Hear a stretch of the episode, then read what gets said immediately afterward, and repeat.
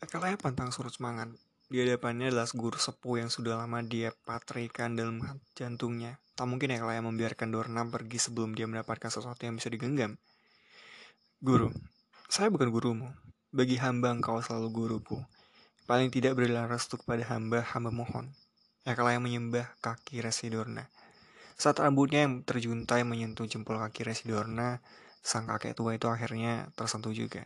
Yang mengusap kepala Akalaya. Baiklah, kurestui engkau nak. Sebatang merion meledak, sebatang mercon meledak di dalam mata Ekalaya.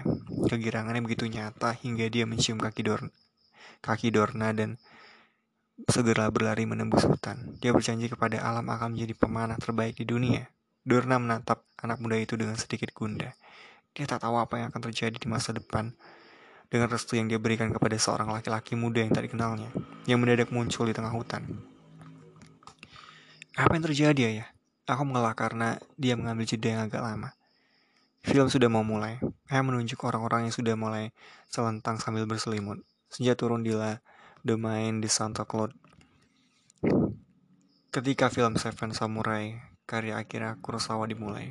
Biasanya inilah saat-saat intim yang kunantikan. Kami akan duduk bertiga berdempetan di bawah selai selimut. Maman sengaja membawa selembar selimut karena celentekan sambil berkemul adalah cara khas keluarga di Masuryo. Kami merasa bersatu, hangat dan mesra. Seven Samurai dan Rasomon hingga sekarang adalah dua film Kurosawa yang menurutku sulit ditandingi. Mungkin sepanjang hidupku hingga menempuh pendidikan di Sarbonne, sudah delapan kali aku menyaksikan film Rasomon. Empat di antaranya aku saksikan bersama mama dan ayah di masa kecilku. Komentar ayah selalu, mas, selalu sama. Setiap orang memiliki versi sejarahnya masing-masing. Black selalu lebih dewasa, aku sering berfantasi kira Kurosawa dipercayakan mengadaptasi lakon Mahabharata seperti halnya. Dia mengangkat King Lear dan Macbeth menjadi film klasik Jepang. Meski saat remaja aku belajar mengenal dan mencintai karya Federico Fellini dan Jean-Luc Godard, tetap saja film-film itu belum bisa menyaingi cerita-cerita Mahabharata, Ramayana, atau Panji Semirang. Di dalam cerita pewayangan, selalu saja ada liukan yang mengejutkan.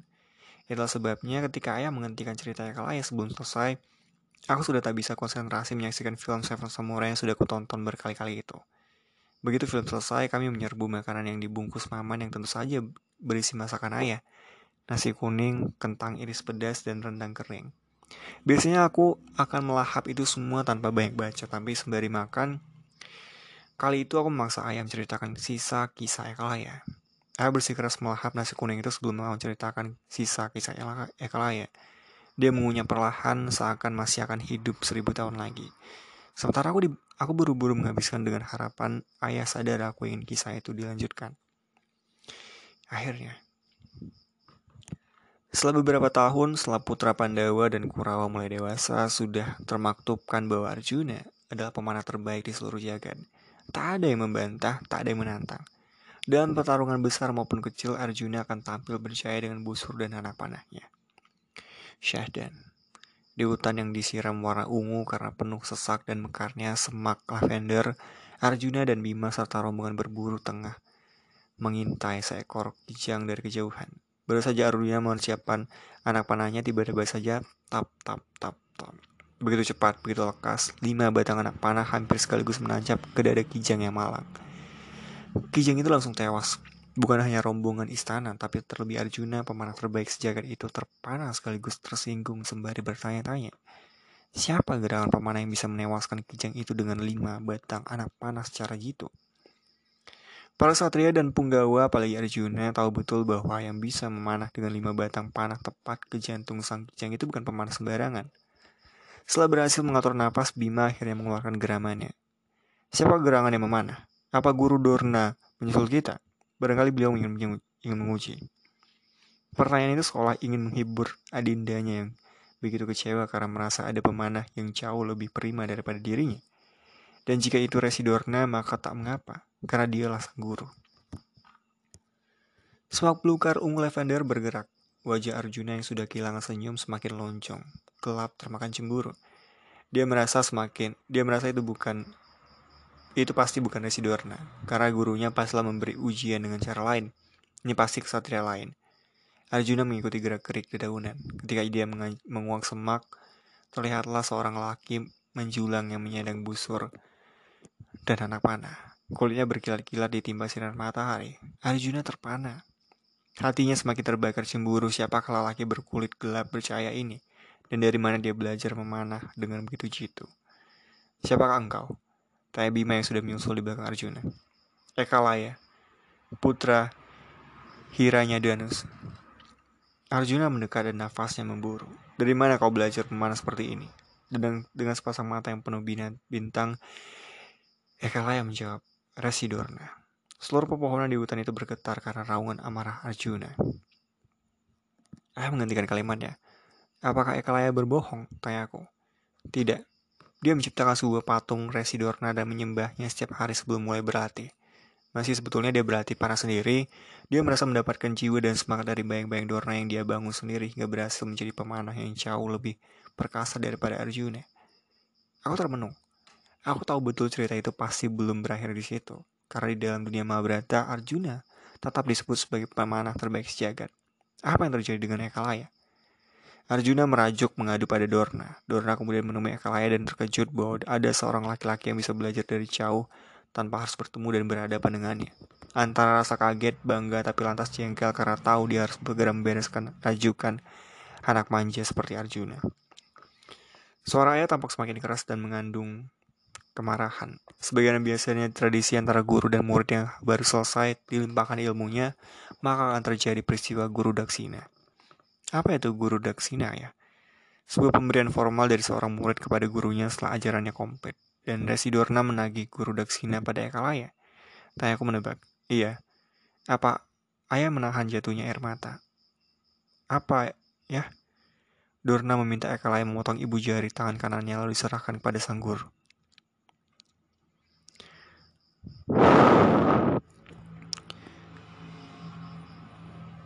Aku terdiam, beberapa, beberapa detik, lalu tersentak menyadari ibu jari adalah bagian terpenting untuk seorang pemanah. Eka Laya seseorang yang patuh, tentu saja dengan senang hati mengabulkan permintaan Dorna dan langsung saja memenggal ibu jarinya. Selanjutnya meski tak bisa memanah dengan empat jari. Eka Laya bukan lagi pemanah jitu seperti sebelumnya, dan Arjuna kembali berada di puncak ekstasi. Dia adalah pemanah terbaik di seluruh jagat.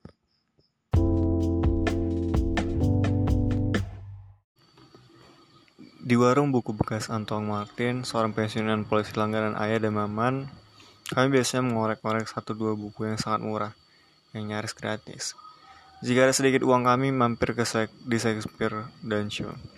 Salah satu toko buku yang paling suka seniman dunia. Setiap kali kami ke bagian pojok yang begitu tua, seperti seorang pemandu turis, ayah akan menunjukkan kursi mana yang selalu dipilih Ernest Hemingway untuk duduk. Dan dia akan membuka-buka serta meminjam buku milik Sylvia Beach, pendiri toko buku itu. Karena dia juga semelarat ayah. Katanya dengan nada sedikit bangga. Lalu ayah menunjuk satu sudut di mana James Joyce atau Ezra Pound biasa berdiskusi. Kelak setelah mulai remaja, aku menyadari ayah mengetahui itu semua dari foto-foto para sastrawan yang dipajang secara berserakan di sekujur tembok toko buku. Setelah aku duduk di bangku SMA, aku mengenal dengan rinci bagaimana cara penulis hebat itu mempunyai jejak di toko buku yang kecil, kumuh, dan bersejarah itu. Mungkin karena sejarah yang melekat dengan toko buku itu, saya selalu merasa harus mengajak kawan-kawannya, orang Indonesia yang berdiam di Amsterdam, Den Haag, Leiden, Berlin, dan Bonn, untuk mengunjungi Shakespeare dan Joe saat mereka sedang mampir ke Paris. Mereka senang karena ini satu dari sedikit toko buku yang menjual buku berbahasa Inggris, tapi juga di situ mereka bisa duduk-duduk dan membicarakan bagaimana para intelektual, wartawan, dan sastrawan dunia di tahun 1920-an berdebat tentang perang dunia yang baru saja berlalu. Mungkin itu pula yang membuat aku menjadi anak yang tumbuh dengan rasa pesona terhadap sejarah. Semula hari-hariku bersama ayah dan mama menyaksikan film atau mengorek kerak buku Shakespeare dan Job adalah hari yang paling menyenangkan.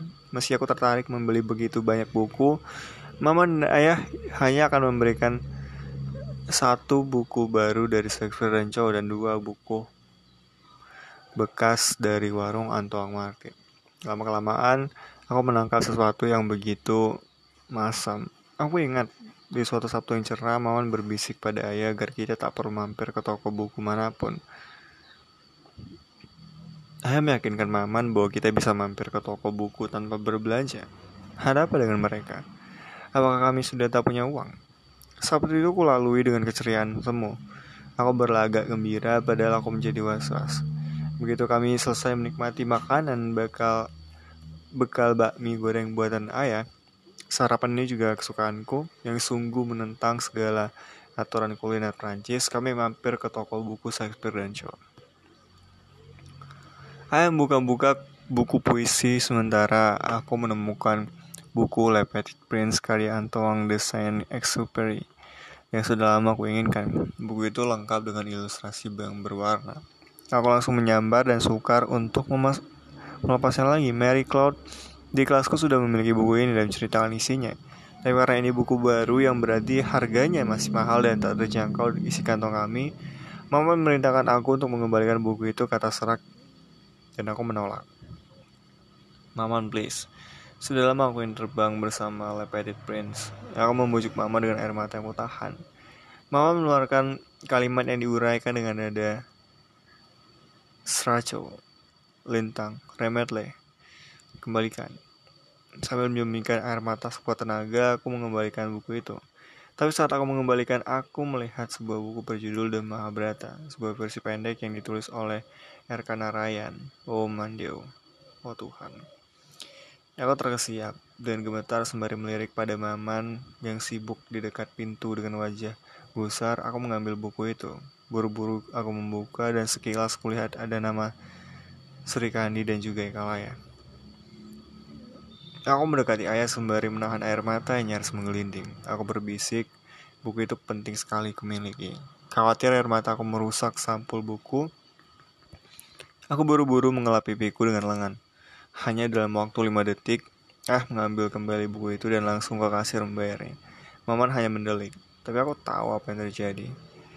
Sepanjang perjalanan pulang dari metro, ayah dan Maman memandang ke arah yang berlawanan.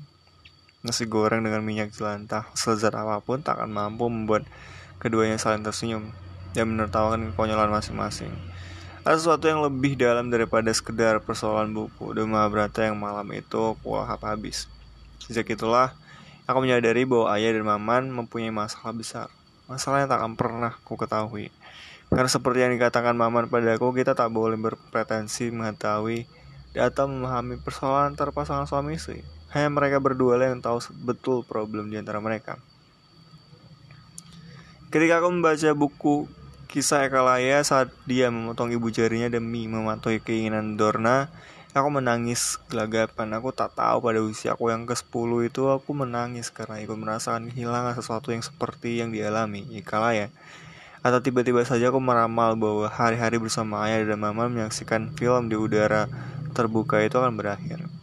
Ada musim dingin yang menerobos di antara mereka dan membuat segalanya menjadi dingin dan beku.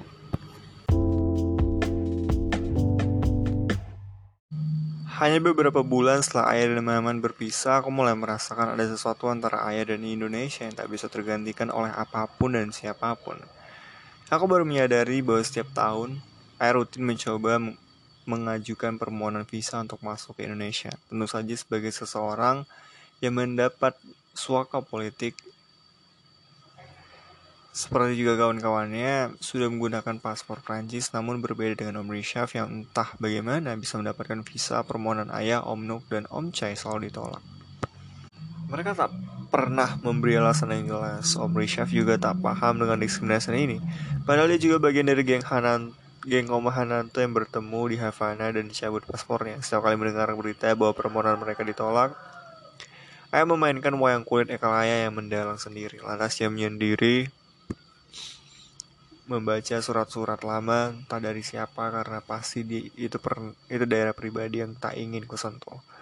Kalau sudah begitu aku sedang bergiliran bermalam di tempat ayah akan mencoba memberi ruang kesedihan itu untuknya. Baru belakangan aku bisa memahami ada sesuatu dalam dikir Ekalaya yang membuat ayah mencoba bertahan.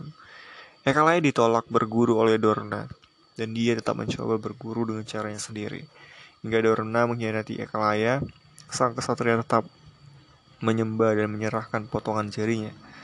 Ekalaya tahu Meski ditolak sebagai murid Dorna, dia tidak ditolak oleh dunia penahan.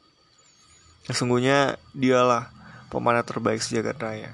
Meski dalam Mahabharata, Dorna tetap mengangkat Arjuna ke panggung siar hanya karena dia pilih kasih. Ayah tahu, dia ditolak oleh pemerintah Indonesia, tapi dia tidak ditolak oleh negerinya. Dia tidak ditolak oleh tanah airnya. Itulah sebabnya dia meletakkan sekilo cengkeh ke dalam stoples besar pertama dan beberapa genggam bubuk kunyit di stoples kedua. Di ruang tamu hanya untuk merasakan aroma Indonesia. Menjelang usiaku yang ke-12, segala penolakan visa dan upacara mencium bau cengkeh dan memainkan wayang kulit Ekalaya berulang, aku menyimpulkan. Ayah adalah seorang Ekalaya. Dia ditolak tapi dia akan bertahan meski setiap langkahnya penuh jejak darah dan luka.